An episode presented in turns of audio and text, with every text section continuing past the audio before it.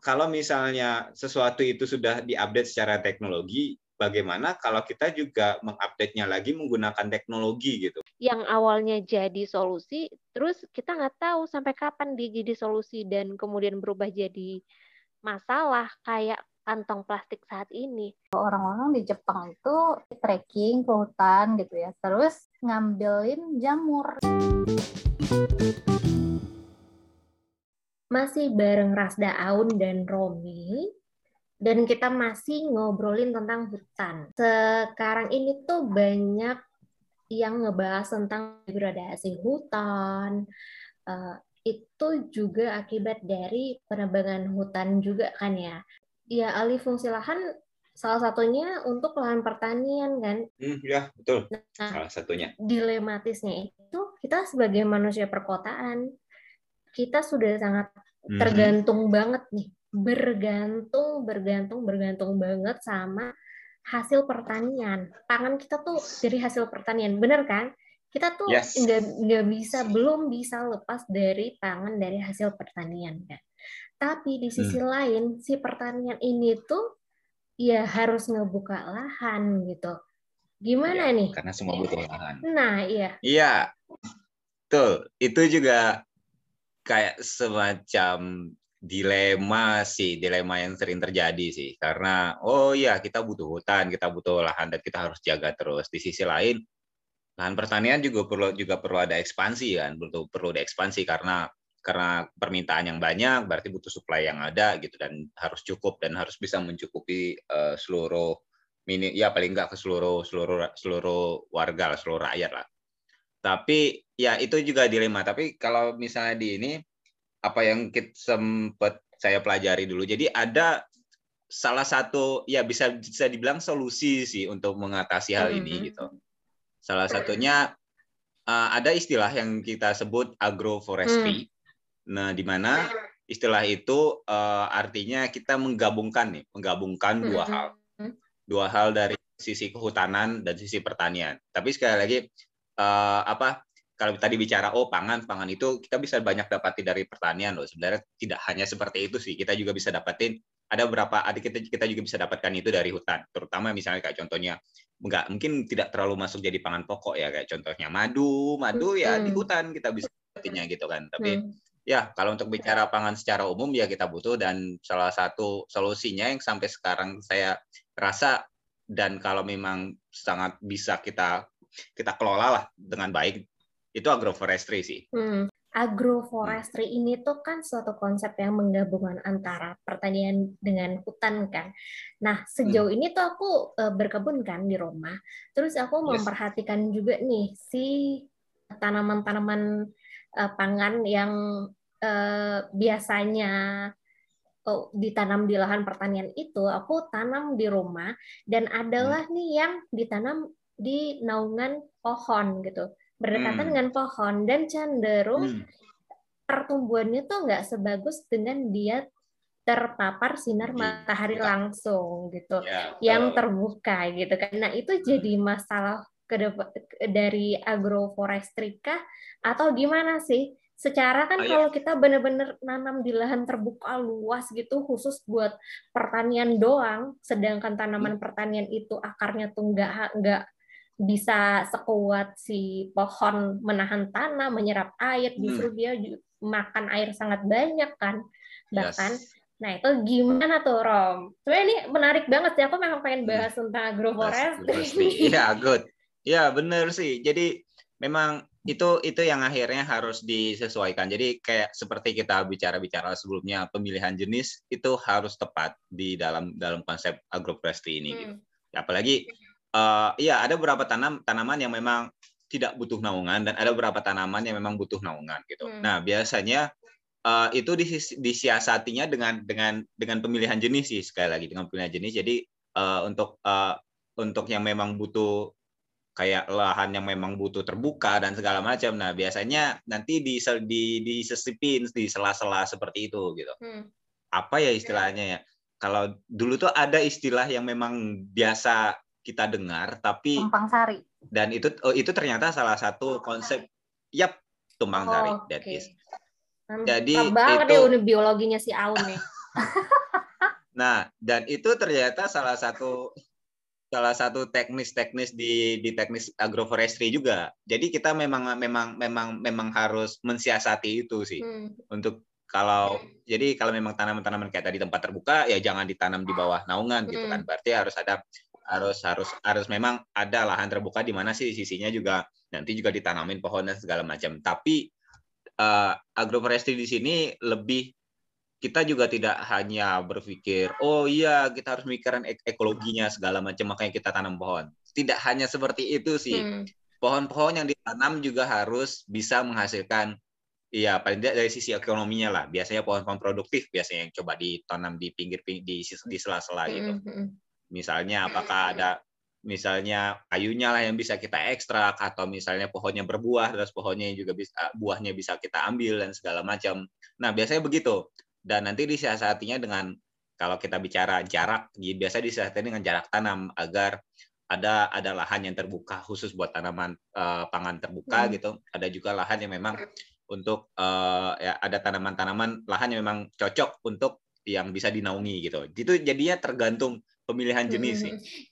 ya sekali lagi ini bakal jadi apa sih bahasanya bakal jadi problem yang terus terus menerus ada sih hmm. karena memang ya lahan cuma satu tapi yang ditanam harus ada dua gitu hmm. kan jadi harus dipilih yang mana yang mau di kan ya itu bakal tetap ada cuman harus bakal ada solusi-solusi yang akan muncul lah ke depannya untuk sekarang mungkin kita akan mungkin berfokus pada agroforestry hmm. atau mungkin ke depannya oh tanaman-tanaman pangan-pangan ini sudah tidak perlu ditanam lagi di lahan seperti itu lagi tidak perlu membutuhkan apa lahan terbuka lagi gitu. Mungkin uh, kayak apa sih istilahnya kayak hidroponik segala macam gitu ya bisa kita gitu ya. Iya, kayak seperti itu di mana kita tidak kita kita siasati bagaimana caranya uh, menanam menghasilkan produk tinggi tapi kita tidak memerlukan tidak memerlukan lahan luas. Wah, itu itu penting tuh kayaknya ke depannya pengen pengen pengen seperti itu. Oke hmm, oke. Okay, okay. Nah, terus uh, aku sebenarnya pengen ngebahas hmm. tentang permakultur dan itu menarik banget buat aku pribadi. Permakultur ini tuh adalah uh, suatu tatanan kehidupan kita seperti menciptakan ekosistem sendiri yang uh, ekosistem tersebut itu kompleks banget di dalamnya. Ya mungkin mirip dengan uh, agroforestry juga. Di sana kita menanam, menciptakan uh, hutan pangan, menciptakan pertanian di dalam hutan. Cuma si permakultur ini tuh karena sistem dia lebih kompleks, lebih luas, lebih holistik gitu dari uh, apa nggak cuma dari pertanian dan kehutanan aja di situ kita juga memproduksi energi sendiri uh, memproduksi apa uh, energi tuh bisa bisa listrik yang diserap dari panel surya terus juga dari biogas yang dibuat dari kompos yang menghasilkan metan dan metan yang jadi biogas. Itu semua tuh tersistem di dalam si konsep permakultur ini yaitu gabungan antara alam dan teknologi sih menurut aku termasuk yes. juga uh, apa tadi namanya menggabungkan si pertanian dan kehutanan di situ. Kalau misal ngomongin mas teknologi sebenarnya ini tuh saya juga agak pengen banget nih.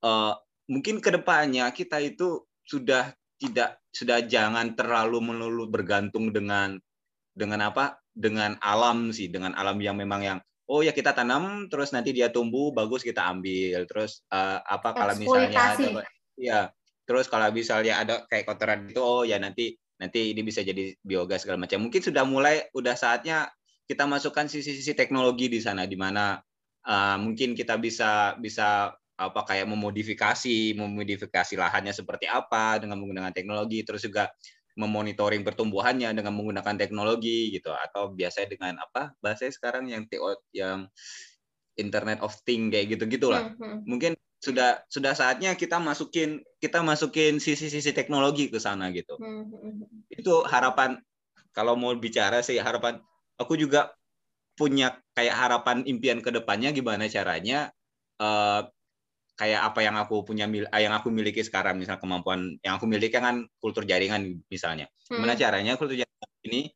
itu bisa dikerjakan juga di rumah gitu hmm. tanpa harus banyak sekali ini. Mungkin juga dari sana nanti kayak oh kita bisa nanam nanam nanam jenis ini dengan kultur jaringan nanti kita nggak harus butuh lahan yang banyak banget, nggak harus butuh ini banyak banget. Terus akhirnya kita bisa produksi itu sendiri. Hmm. Itu sih harapannya, harapan-harapan ke depannya memanfaatkan teknologi untuk untuk hal-hal yang ke sana gitu.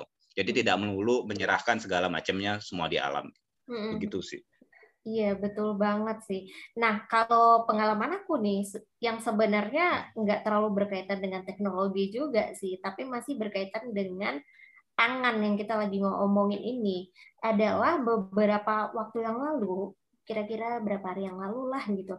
Kan aku ke, uh, udah berapa bulan, kayaknya udah dari tahun lalu deh, coba nanam pohon kelor. Kalau tahu ya, kelor itu bisa buat uh, macam-macam sih salah satunya yang aku uh, rutin untuk konsumsi sebagai uh, apa ramuan gitu jamu jadi buat uh, apa kesehatan yang aku konsumsi itu.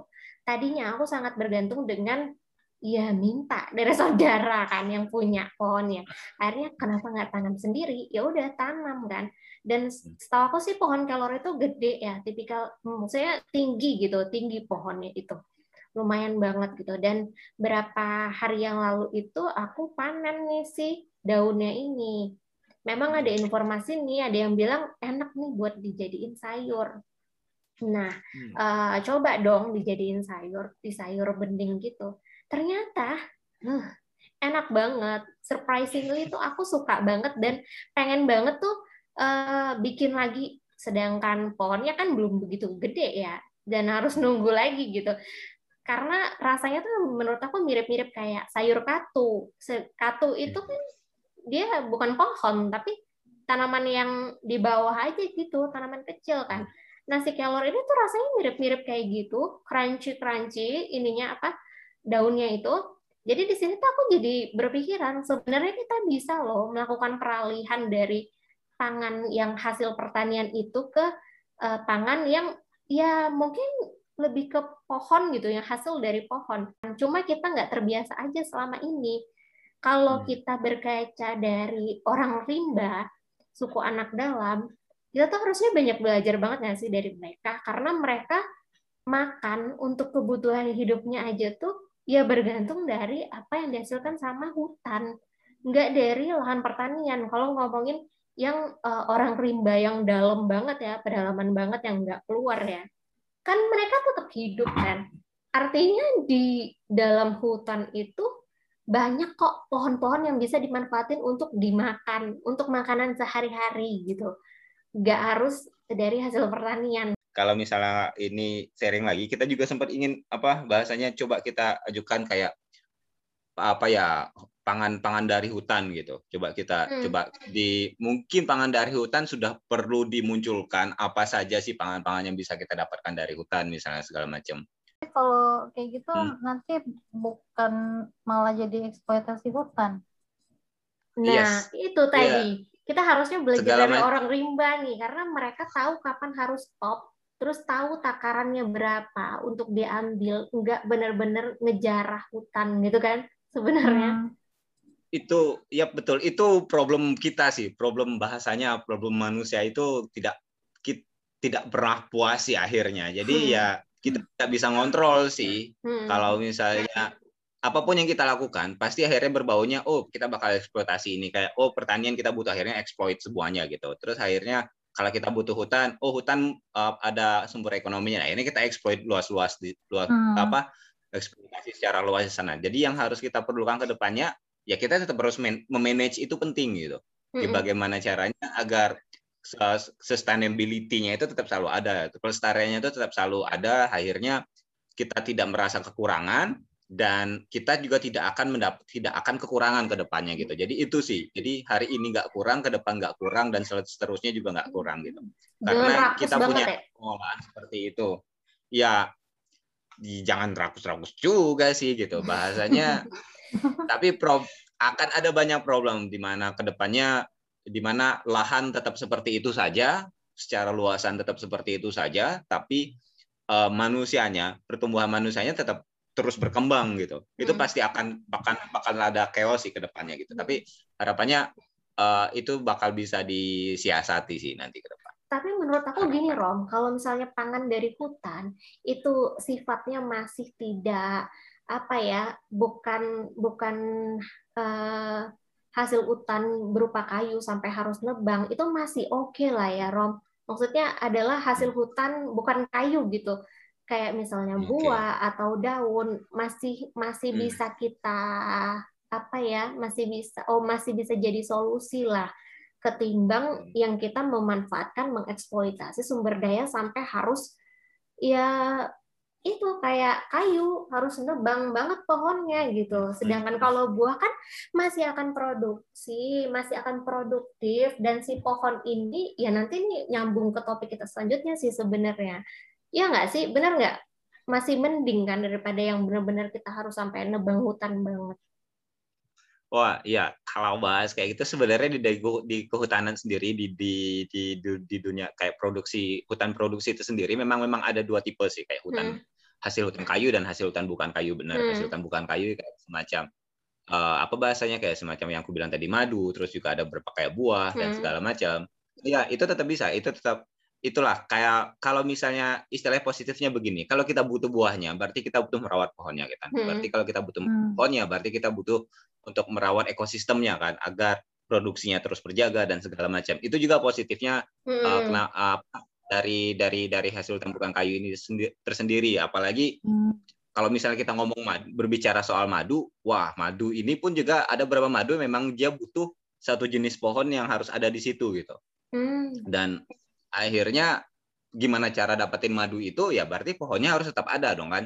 Ya hmm. akhirnya positifnya ke ke ekosistem ekosistemnya harus ekosistemnya juga harus tetap terjaga gitu karena kalau kita butuh produksi yang tinggi berarti kita harus menjaga ekosistemnya juga kan sering ya dengar cerita orang terus juga baca buku gitu kan kayak uh, orang-orang di Jepang itu kan mereka hutannya masih cukup banyak lah gitu um, hmm. mereka itu kayak trekking ke hutan gitu ya terus um, mereka itu um, ngambilin jamur gitu buat buat hmm. makan hmm. dibawa pulang terus makan gitu itu jadi salah satu aktivitas uh, apa ya kayak culture-nya mereka kali ya hmm. itu menarik juga sih hmm. mungkin kita akan susah banget kalau langsung 100% beralih dari pangan hasil pertanian dengan pangan hasil hutan kan paling enggak tuh kalau misalnya bisa balance nih uh, mungkin yang tadinya 100% kita bergantung sama pertanian bisa nih dikurangin jadi 50% 50%. Itu kan lumayan juga kan untuk uh, apa namanya dari sisi uh, lingkungannya. Ya nggak sih? Terus juga hmm, kita juga tetap akan ngejaga hutan juga. Uh, aku tuh pernah dengar juga nih kalau uh, sebenarnya penebangan hutan itu penting. Benar nggak sih? Iya, iya penerbangan rutin itu penting sih. Kalau aku ngelihatnya, penerbangan itu penting. Pertama ya secara ekonomis ya, dasar saya lah masalah kayak gitu. Kedua, permajaan sih, kalau aku mau ngomong. Soalnya ini yang tua-tua ya sudah harus segera dikeluarkan gitu agar yang muda-muda ya bisa muncul lagi ke atas gitu. Hmm. Begitu sih. Kalau itu hal itu penting, penerbangan itu penting banget sih. Hmm. Cuman semuanya harus terkendali gitu aja kuncinya karena emang yang udah tua itu udah nggak produktif lagi ya dari sisi fungsi penyerapan karbonnya, emisi karbon, terus juga dari yang lain-lainnya dari sisi apa ya eh, hasil misalnya menghasilkan buah-buah itu pun udah makin nggak produktif ya, Rom? Iya, betul. Uh, sebenarnya kalau dari sisi kalau kita bicara masalah penyerapan karbon, berarti kita ngomongin masalah fotosintesis dan segala macam, memang uh, lebih efek lebih besar lebih banyak ke yang muda sih yang lebih banyak efektif ke sana gitu tapi kalau untuk yang tua biasanya sudah mulai mereka tetap tetap tetap berjalan cuman lebih ke stagnan sih lebih ke stagnan untuk untuk sisi penyerapannya jadi mereka lebih ke stocking sih lebih ke kayak kayak kita bilang karbon stoknya lebih ke stocking sih kalau hmm. lebih kalau untuk penyerapannya karbon sinknya mungkin uh, seperti lebih ke arah tanaman-tanaman muda sih. Ya karena dia butuh pertumbuhan segala macam. Ya kayak kita lah, kita butuh masa-masa pertumbuhan berarti kita butuh banyak asupan kan. Hmm. Tapi kalau sudah semakin tua, kita sudah mulai ketemu larangan makan A, B, C, D, E. Gitu. Oke. Okay. Begitulah. Analoginya pas banget. Tapi, Tapi sekali lagi harus yang harus digaris yang harus maaf sih harus digaris bawahi hutan-hutan yang boleh di, di ditebang, dieksploitasi segala macam hmm. itu ada itu ada di kawasan hutan produksi ya. Jadi hmm. karena ada beberapa nah. fungsi sih kayak hutan lindung jangan disentuh hutan nah, lindung. Baru mau tanya itu tuh. Lindung. Ah, good. Ya. Yeah. Hmm. Maksudnya begitu. Saya kan soalnya dari tadi kan bicara tentang hutan produksi apa kita memproduksi hutan, eksploit eksploitasi hutan karena padahal ada hal yang harus dibahas dulu kayak semacam hutan-hutan ini ada ada fungsi-fungsinya loh. Jadi ada sudah dibagi berbagai uh, hmm. beberapa macam fungsi gitu kayak hutan lindung fungsinya untuk kayak kayak plasma jadi kayak hutan hutan lindung lah. Jadi itu segala macam fungsinya kayak perlindungan kayak hidrologinya terus juga hmm. uh, kayak jenis-jenisnya di dalam gitu. Keanekaragaman hayati ya. Keanekaragaman hayati ya di dalam terus juga kedua hutan konservasi yang memang khusus untuk ya mengkonserv segala macam plasma tumpah yang ada lah ya yang gue bilang biodiversitas segala macam flora dan hmm. faunanya stays di sana. Nah, sisanya hutan produksi, nah ya itu yang boleh itulah hutan-hutan yang eh, kawasan-kawasan hutan yang memang bisa di yang bisa digunakan untuk untuk untuk kegiatan produksi ke depan gitu. Begitu. Hmm. Jadi udah tidak sembarangan sih bahkan kalau hmm. misalnya di orang-orang ininya kayak orang suku-suku anak alam misalnya mereka pasti hmm. kayak punya kayak hutan yang bahkan di mereka sendiri nggak boleh masuk ke sana gitu keramat Jadi, kayak hutan keramat ah contohnya kayak hutan keramat begitu saja sudah ada kan hmm. itu sebenarnya tinggal ikut tinggal ngikutin dari mereka oh kita nggak boleh ke sana berarti di sana sudah nggak boleh lagi diapa-apain ikutin aja sebenarnya apa yang ada sekarang lebih mengikuti apa sih yang sebenarnya dilakukan uh, dilakukan mereka gitu. Hmm. Tadi sempat uh, menyinggung juga uh, masalah hutan keramat. Jadi ingat nih, hmm. kita baru ngebahas di Sayang Bumi soal pohon baobab. Pernah dengar nggak? Hmm. Pohon apa? Pohon baobab. Jadi si pohon baobab ini aku ceritain singkatnya aja. Dia itu adalah pohon purba yang usianya tuh bisa ribuan tahun banget gitu. Terus juga uh, ukurannya gede banget dia menyimpan air sampai banyak banget lah sampai berapa 240 liter kalau nggak salah ya. Hmm. dan juga uh, dia ini tuh emang banyak manfaat dan tinggi banget. Uh, apa lingkar lingkar itunya tadi lingkar pohonnya itu tuh bisa mencapai uh, seperti ruangan lah. Kayak 9 sampai 10 sampai 15 bahkan diameternya. Tapi dalamnya tuh rom uh, bisa kayak membentuk ruangan gitu. Nah, hmm. uh, si baobab ini tuh kan asalnya dari Afrika Afrika sana ya, Madagaskar ya, gitu. Dan di sana dianggap keramat dan dia bisa tumbuh sampai ribuan tahun itu tanpa penebangan mungkin karena dianggap keramat. Tapi aku jadi bertanya-tanya, sebenarnya dia masih produktif atau enggak sih? Ya nggak sih? Kok masih dipertahankan sampai selama itu? Uh, gimana tuh Rom? apa ada memang ada pohon-pohon tertentu yang ya udah aja emang usianya panjang dan produktifnya lebih panjang gitu. Wah, kalau untuk itu memang sih. Jadi pohon ya itulah perbedaannya. Kalau misalnya kita ngomong pohon kan umurnya bisa bertahun-tahun ya begitu. Hmm. Iya, hmm. akhirnya disesuaikan tadi yang aku bilang makanya aku jelaskan akhirnya masalah tentang hutan lindung dan hutan konservasi. Ya memang kalau memang sudah dia masuk di sana, hmm. ya gimana pun ya biarkan biarkan siklus alam yang terjadi aja di sana gitu. Oh, Jadi, secara alami ya? Iya, biarkan saja kalau misalnya dia dia pasti tua, pasti ada pada pada masanya dia bakal mati juga kan gitu. Akhirnya hmm. terus akhirnya misalnya dia tumbang dan segala macam akhirnya terdekomposisi. Ya akhirnya balik lagi kan semua nutrisinya itu ke ke ke tanah dan hmm. akhirnya juga diserap ke ke tegakan yang lain gitu. Jadi hmm. begitu sih. Kalau secara konsep, kalau untuk kawasan-kawasannya memang untuk yang hutan lindung, hutan keramat atau hutan konservasi, ya mungkin memang ya memang biarkan mereka seperti itu. Tapi kalau untuk kawasan konservasi, eh, kawasan yang produksi yang memang harus ditebang dan segala macam, ya seperti itu sih. Kalau kita, hmm. kalau saya melihatnya, oh ya kita harus meningkatkan produksi yang di bawah dan juga secara penyerapan juga lebih bagus. Ada baiknya ya yang pohon tuanya ini yang kita yang kita ekstrak gitu. Bahkan atau kan memang ada syarat-syaratnya kan yang harus seberapa besar diameternya dan segala macam gitu. Begitu sih. Jadi ada ada lebih ke arah ada kawasan-kawasan yang boleh dan tidak boleh. Tapi secara konsep yang aku bilang teorinya seperti tadi ya itu bisa dipakai untuk ke sana sih untuk ke kawasan produksinya aja. Hmm, iya itu enggak enggak untuk diaplikasikan ke uh, luar dari si hutan produksi ya. Kalau misalnya yeah. hutannya jenis hutan lain, ya udah biarin aja siklus kehidupan berjalan secara alami gitu. Hmm. Iya, itu tetap jangan sampai kita ngelangkahin ke sana lah. Gara-gara ah ini kan udah nggak ini lagi tebang aja. Padahal kan memang itu dilarang untuk ditebang di sana. Paling tidak hmm. secara aturan itu sudah dilarang. Jadi ya sudah berarti jangan sampai kita ngelangkahin melangkahin aturan itu gitu. Begitu. Ya, itulah hmm. pengolahan ada aturannya, follow aja, diikutin aja aturannya di sana. Nah, uh, dari tadi kita ngobrolin sumber daya alam, uh, jadi pengen bahas juga ada nih istilah back to nature.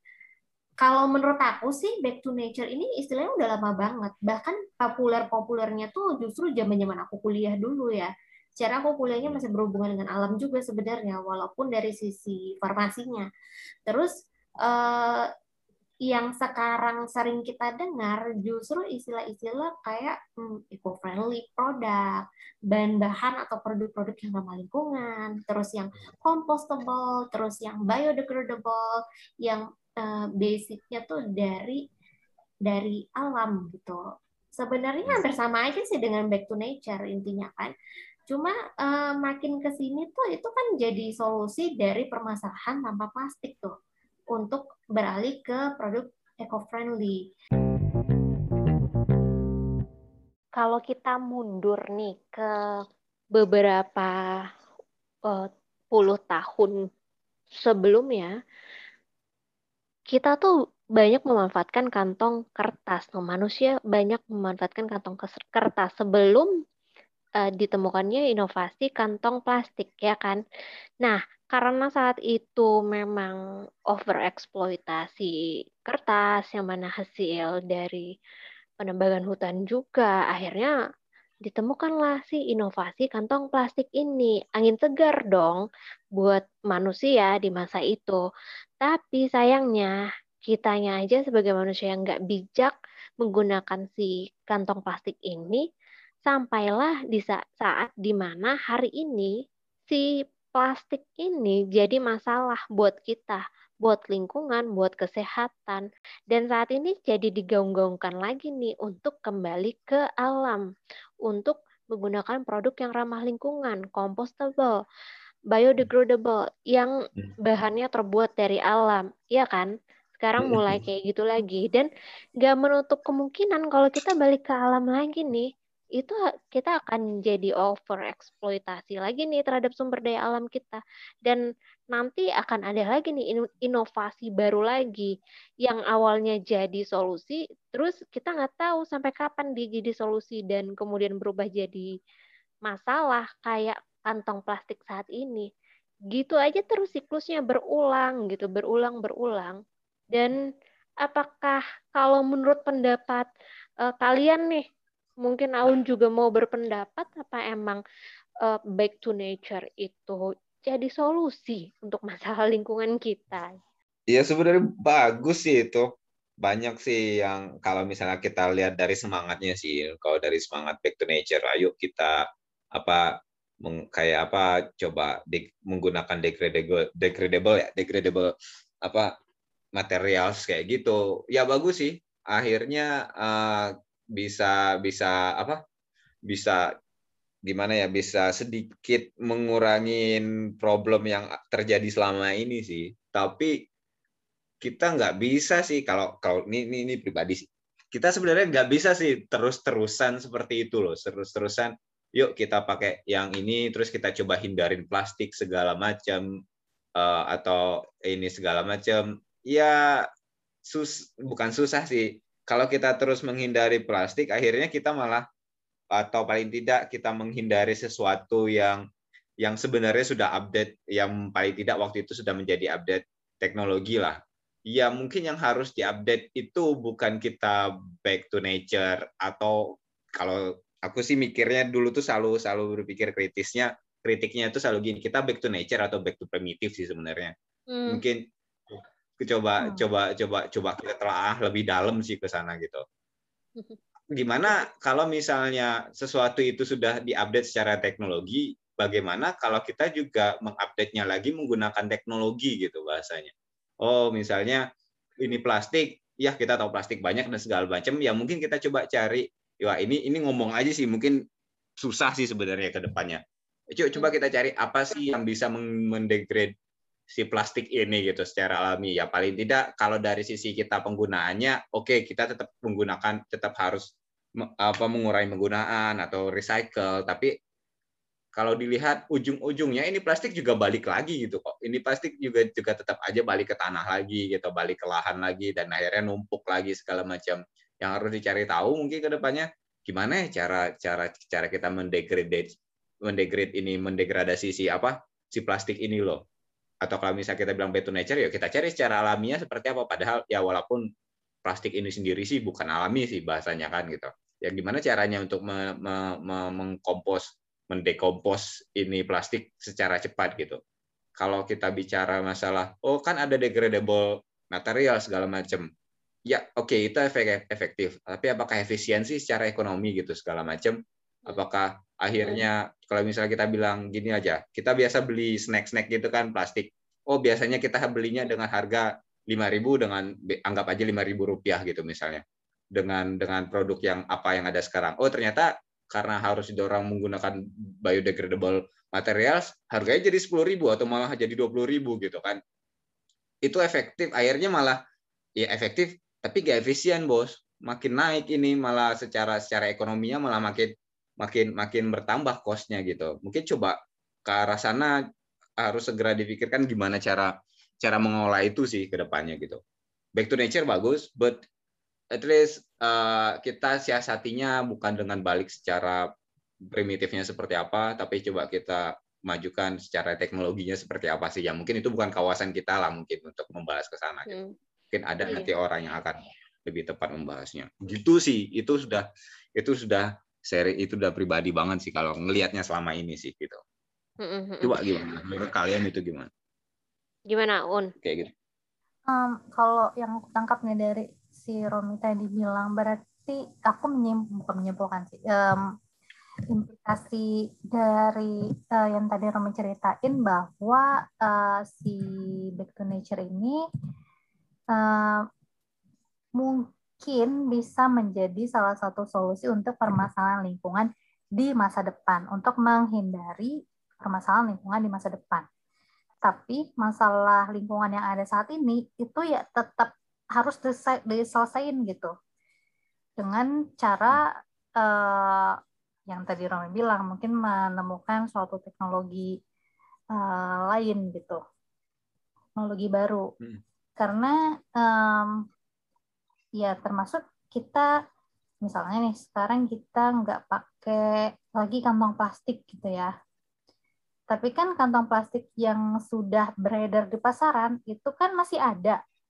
Dan itu adalah masalah gitu. Dan uh, dengan kita stop pakai kantong plastik bukan berarti sampah-sampah kantong plastik yang sudah ada itu menjadi hilang.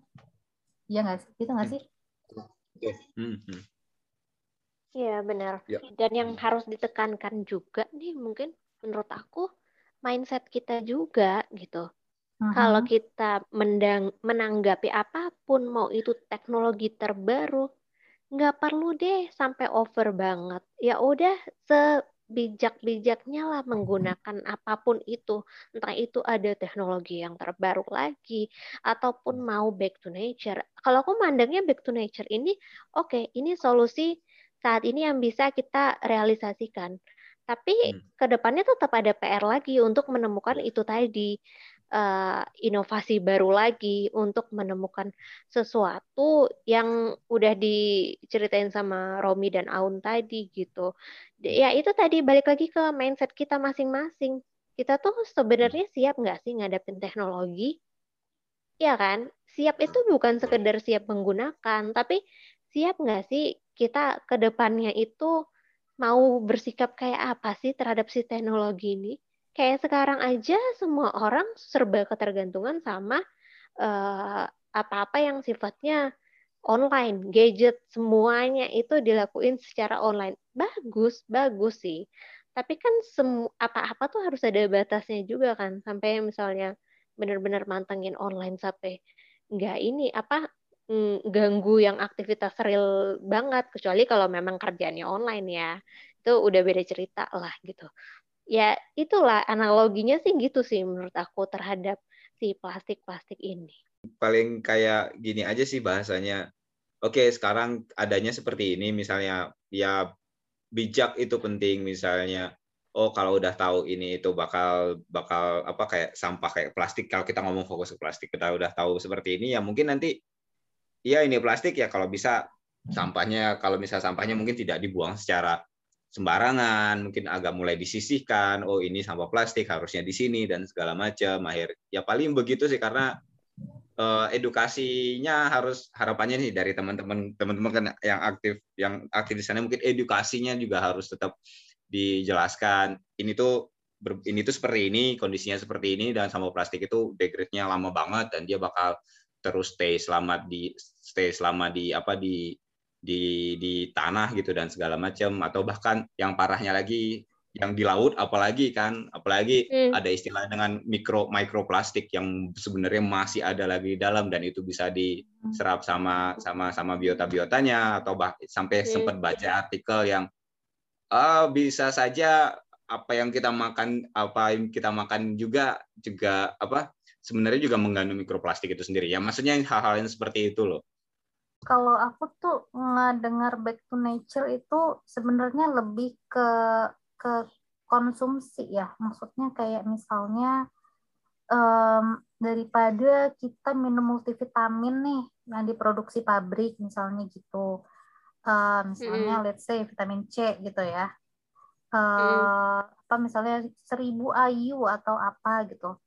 Ya better kita makan jeruk atau um, yang buah real gitu hmm. itu sih atau misalnya kayak hmm. daripada pakai masker wajah yang uh, diproduksi dari produk-produk kosmetik gitu kan ya hmm. mungkin bisa maskeran bikin sendiri gitu di rumah um, misalnya ada pakai madu, pakai uh, avocado gitu.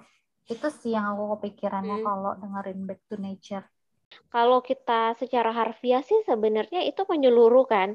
Cuman ya itu tadi sih mungkin interpretasi uh, ada yang menginterpretasikan kayak kayak si Aun tadi, tapi bisa juga sih yang kayak Aun itu emang sah-sah aja, boleh-boleh aja dan oke-oke aja. Malah bagus banget sih karena aku sendiri tuh emang dulu banyak belajar soal ya itu konsumsi segala sesuatu baik itu eh, apa kosmetik ataupun ya produk-produk inilah ya produk-produk farmasi kosmetik atau eh, apa eh, obat-obatan suplemen. Nah itu aku kayak cocok banget nih sama yang diomongin Aun nih.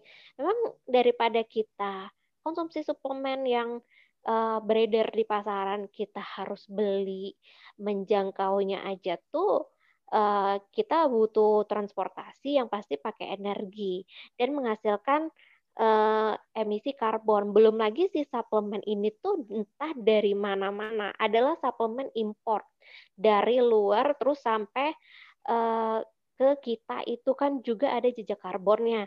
Daripada pakai kayak gitu cobain dulu nih tanam deh. Atau enggak beli di pasar dulu deh kalau belum uh, punya hobi untuk tanam-tanam beli di pasar yang terjangkau lokal bahannya yang dari petani lokal juga dimanfaatin buat uh, diminum buat maintain kesehatan tapi bukan berarti kita nggak butuh obat-obatan medis juga karena ada situasi tertentu juga kita ya memang perlu untuk eh, apa memanfaatkan obat medis gitu. Apalagi hmm. pandemi ini awal-awal empon-empon itu jadi juara banget dicari banget most wanted banget kan uh-huh. sampailah harganya melambung udah kayak beli apa ya kambing kali ya per kilonya merah tuh mahal banget hmm. yeah. sekarang udah turun udah banyak yang nanam sudah, sudah pada termakan isu yang itu juga waktu itu. Iya benar-benar yang empon-empon itu kan. Semua ya. pada ini, pada pakai gitu. Iya sih, iya itu sudah sempat dengar sih yang itu tentang yang empon-empon terus juga cahaya merah segala macam ya udah sempat sih. kalau misalnya tadi kita banyak ngobrolin tentang uh, apa kehutanan di mana si Romi ini udah banyak banget sih sharing tentang ilmu kehutanannya ini. Jadi pengen tahu dari disiplin ilmu yang yang udah dipelajarin nih Rom, ada hmm. nggak hmm. sih idealisme tertentu yang diterapkan di dalam kehidupan yang dijadikan gaya hidup kan? Biasanya gitu nggak ya. sih? Misalnya kita uh, belajar tentang apa, terus kita punya ideal, idealisme tersendiri tentang ilmu kita, terus yang kita bawa nih dalam kehidupan kita, keseharian kita, ada nggak? Hmm. Misalnya nih, ya. misalnya nih, atau uh, Romi tuh nggak mau banget nulis di kertas, atau nggak mau banget pakai tisu gitu. Eh ngomong-ngomong, kalau di Cina orang cebok pakai tisu atau pakai air ya? Oh aduh. Ya tisu normal sih. Ya. tisu. Oke. Okay. Jadi gimana Rom? Kenapa jadi oh. bahas cebokan ya? Oke, okay. kalau untuk apa sih yang akhirnya di idealisme yang dipakai sih? Iya, ada beberapa sih.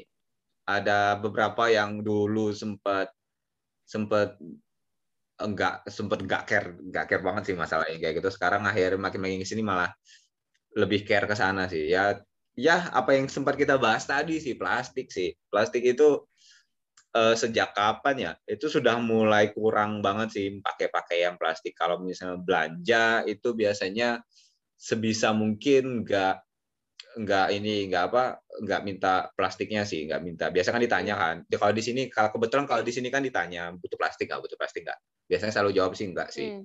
nggak terus di, di, di sebisa mungkin bawa tas kalau mau ke mana-mana gitu. Jadi kalau mau beli apa-apa dan sebisa mungkin bisa masuk ke dalam tas gitu. Soal inget banget sih, apalagi kalau di sini itu beli kan, kalau kita mau ngambil plastik kan, butuh plastik itu kan harus bayar.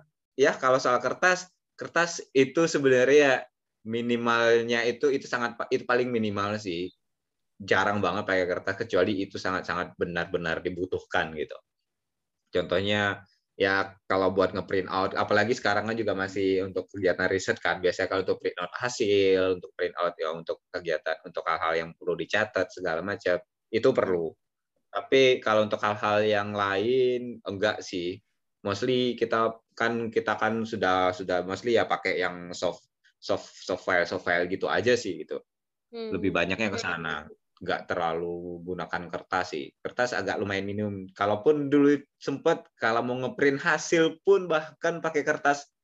Kalau misal masih dibalik masih kosong tuh masih biasanya masih pakai itu tuh. Entah kenapa selalu hmm. punya pikiran seperti itu. Padahal kalau bicara kan karena di lab kan di lab kan kalau mau kertas kan selalu ada di lab. Sampai hmm. dibilang itu kan ada kertas kertas biasa pakai aja itu.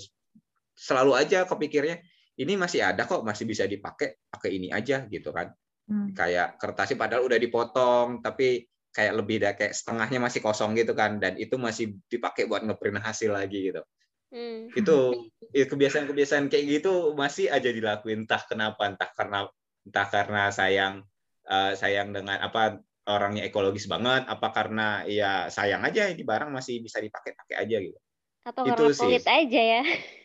Nah iya lebihnya kayaknya ke sana sih. Jadi lebih kayak orang yang kayak banget sih lu gitu. Bahasanya. Hmm. ya tapi itu itu itu ke bawah terus ke bawah terus. Ke mana-mana itu selalu ke bawah terus. Bahkan kalau mau cuma nulis-nulis catatan kecil nggak pernah coba ngambil kertas baru baru tulis lagi. Enggak hmm. biasanya paling ngambil bekas aja. Terus bahkan catatan-catatan biasakan di sini kita diskusi-diskusi gitu. Biasanya lebih enak kalau digambarkan di tulisan di kertas gitu kan. Nah, biasanya pakai kertas hmm. bekas aja. Jadi begini, begini, begini. Buang tisu, sampah tisu. biasa kertas. Tisu, wah tisu. Hmm, ini agak boros ini dibanding sama orang sini. Saya kalau masalah tisu. tisu ya agak boros. Soalnya kalau orang sini itu bahkan kan biasa kalau tisu itu bisa dipotong dua ya sebenarnya itu. Nah mereka itu di sini selalu kayak gitu. Hmm. Jadi satu tisu biasanya yang yang biasa kita beli kecilan gitu ya, yang kecil gitu tisu. Nah, kan biasa dilipat-lipat ya itu ya. Nah, itu biasanya kalau itu dipotong dua sama mereka. Satunya dipakai satunya ditaruh. Eh ya, nanya satu deh. Ini tadi yang uh, kan kamu backgroundnya dari uh, kehutanan ya. Dan uh, uh, akrab nih sama pohon gitu. Terus mis jadi uh, ini enggak jadi misalnya di rumah tuh harus punya pohon gitu. Ada kebawaan kayak gitu nggak? Wah, iya sih ada sih kebawaan yang kayak gitu. Pengen ada pohon ini di rumah, pengen ada pohon ini, pohon itu. Iya ada kebawaan ke sana sih. Cuman nggak terlalu sampai nanem banget sih. Soalnya kayaknya kalau di rumah kayaknya sudah ada deh pohon-pohon Oh di sana. sudah ada. Bagi rekomendasinya dong Apa ya, kayak buat Wah, kalau untuk di rumah sebisa mungkin yang produktif aja kali ya. Hmm. Kayak Pohon mangga buah. kek, atau pohon buah yang kayak gitu-gitu. Biasanya jadi ya selain bisa atau yang memang benar pohon yang buat buat peneduh misalnya. Wah, kalau ini Hmm. jenis-jenis biasa pohon peneduh biasanya agak gede sih, gede banget sih. Ya jadi yang arah-arah kayak gitu sih. Hmm. Jadi aku lebih rekomen coba pohon buah deh. Jadi kita bisa bisa bisa dapetin hasilnya juga dari sana gitu kan. Apalagi sekarang kan ada ada ada ada teknik-teknik mungkin udah lama sih teknik yang kayak yang kayak hasil cangkokan gitu kan biasa bibit yang hasil cangkokan gitu gitu ya. ya. Pohon, ya pohonnya ya dia nggak usah terlalu tinggi, ya nggak usah terlalu tinggi, buahnya sudah ada gitu. Ya bisa kayak gitu. Atau kalau mau pohon tinggi bang, tinggi juga juga bisa. Kalau itu kan butuh butuh waktu tuh numbuh sampai Hmm. segede gitu gitu kan. Hmm. Biasanya kalau di rumah, kalau misalnya ke rumah nenek atau ke rumah ini, ya pasti pasti mikirnya wah enak ya ada pohon gede. Ya kan ditanamnya dari dari dulu di sana gitu kan. Jadi pasti Iya gede juga. sekarang gitu. Tapi kalau misalnya kita baru mulai ya sabar, paling ya butuh 5 10 tahun baru kelihatan itu jadi gitu kan. Tapi aku jadi pengen minta saran juga nih. Kok pohon mangga aku nggak berbuah-buah? Kenapa ya, Rom? Kenapa ya? Udah lama banget dan udah bertahun-tahun. Menurutku dia udah waktunya berbuah juga. Tapi ya itu katanya ada yang bilang itu kelebatan daun. Daunnya ya udah kita pangkas-pangkas-pangkasin. Ini Heeh. enggak nggak ini juga nggak nggak berbuah juga terus juga aku sampai bikin lubang biopori deket situ biar ngomposnya Oh. langsung deket situ gitu sampai Tetap sekarang aja belum ada buah gimana ya Rom Itu dulu sempat berbuah tapi.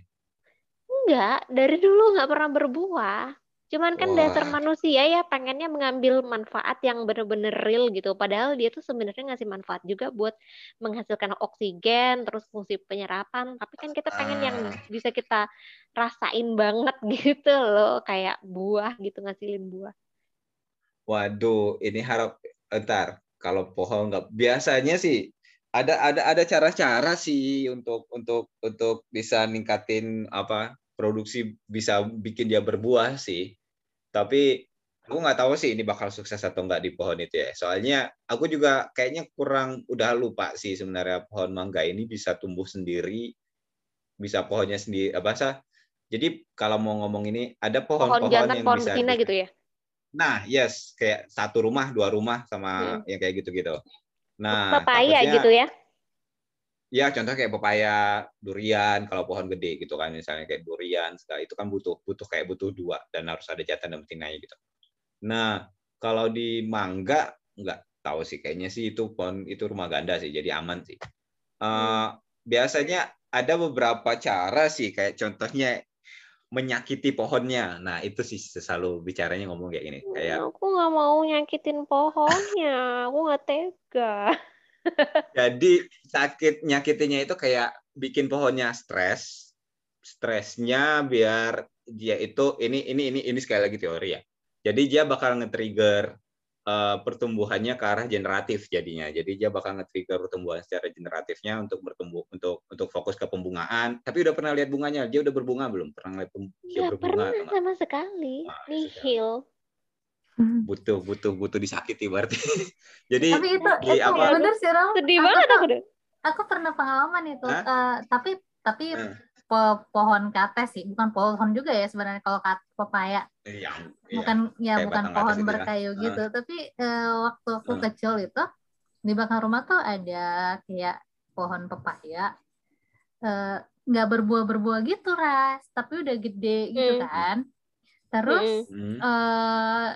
Kayak kita mau mau dicabut sayang tapi eh, terus akhirnya ada tamu gitu yang datang terus bilang itu harus di eh, ya istilahnya dilukain lah ya jadi tuh kayak kita Betul. kita iniin apa namanya kayak pakai pisau itu kita Yep. codet itu batangnya Hmm, codet. Codet apa sih? Dibeset ya? Apa sih? Kayak Iya, disayat, dibeset. kayak Disayat. disayat-sayat gitu sih. Iya, sayap Iya. gitu, batang, iya batangnya Betul. gitu kan. Eh, terus berbuah beneran Mm-mm. habis itu. Jadi Gak heran kalau sih secara Aun teorinya, pengalaman menyakitinya banyak juga ya. jadi jadi iya sih itu jadi secara secara teorinya ya tadi udah dijelasin dia bakal fokus ke pertumbuhan buah terus akhirnya dia bakal berbuah itu itu teorinya kalau kita nganaloginya begini sih kayak semacam kalau misalnya kita misalnya biasanya enaknya ke ibu-ibu sih ke wanita Hmm. nih misalnya kalian sakit atau apa-apa tapi tapi ini ibu-ibu yang sudah misalnya punya anak ya Hmm. ada apa-apa, pasti yang dia fokuskan adalah anaknya, gimana caranya anaknya bisa tumbuh dan ini walaupun dianya sakit dia nggak bakal nggak bakal kenapa-napa gitu. Atau bahkan ketika pun ingin melahirkan, walaupun gimana kalau ditanya ibunya, gimana? Yang penting anaknya sehat. Itu kan, Hmm. itu pohon pohon itu ketika dia sakit, ya sudah biarkan dia sakit. Gimana caranya dia generasi berikutnya tetap ada. Hmm. Makanya dia Oh. bakal fokus bakal fokus ke ke ke ke, ke numbuhin buah dan segala macam. Itu analogi kita biasanya. Jadi kita sakitin kan ini, kayak kita Hmm. sayat segala, segala macam. Pasti kalian nggak, ih kok tega banget sih gitu. Tapi harapan ke kitanya, harapan ke kitanya dia bakal bakal fokus ke pertumbuhan buah karena dia butuh keberlan- regenerasi itu dia butuh gitu kan. Hmm. Akhirnya ya sudah dia bakal berbuah, buahnya tumbuh gitu. Akhirnya dia mati ataupun enggak udah nggak peduli kan, udah ada penerusnya ke depan gitu. Hmm, tapi berarti tumbuhan itu sebenarnya hmm, berpikir ya, maksudnya nggak kayak benda mati gitu. Kayak ada orang yang eh, suka ngajakin ngobrol tanaman-tanamannya gitu kan. Ya Hmm, nggak sih? hmm. Kayak gitu aja tuh dia bisa melogika yang seperti itu kan. Ya, sebenarnya sih kayak semacam ada proses di dalamnya lah gitu. Hmm, Dan hmm, proses-proses itu ya bergat di trigger sama kondisi lingkungan di sekitarnya. Misalnya kalau kita sering ngajak ngobrol, tanaman pasti banyak yang bilang diajak ngobrol dong tanamannya biar tumbuhnya bagus gitu kan. hmm. Ya. Itu Hmm. itu kita tangkepnya oke biar tanamannya biar nggak sendiri segala macam ini. Tapi secara teorinya ketika kita ngobrol kita ngeluarin karbon dioksida kan segala macam kan. Hmm, hmm. kan yang Hmm. jadi bahan penyerapan buat dia itu yang jadi sumber energi dia nanti untuk akhirnya tubuh bagus begitu terus juga Oh. kalau kita ngajak ngobrol kalau kita ngajak ngobrol berarti kan kita ngelihat tanamannya berarti kita tahu oh tanamannya daunnya udah mulai nguning nih berarti udah harus dipupuk oh daunnya ininya kayaknya airnya udah dianya kayak udah kekeringan nih kayaknya udah harus disiram gitu jadi ada ada esensi-esensi dari hanya sekedar diajak ngobrol dong tanamannya gitu Hmm. jadi esensi-esensinya selain itu gitu. Selain kita ngelihat kondisinya seperti apa, kita juga membantu kayak produksi karbonnya. Jadi kita kayak kasih ini karbonnya, karbon dioksidanya ini ini, ini gitu. Kayak gitu sih. Itu cuman Oh. cuman kayak meng- meng- menarik garis garis lurus aja dari situ sih. Mm, mm, mm, mm. Berarti besok-besok tuh ngajak ngobrol un tanamannya sambil Iyalah. ditiup-tiup karbon dioksidanya ke arah daun. Ras. Jadi poinnya buat ngelihat tanamannya sih. Jadi punya tanaman ya dilihatlah tumbuhannya seperti apa ya. gitu.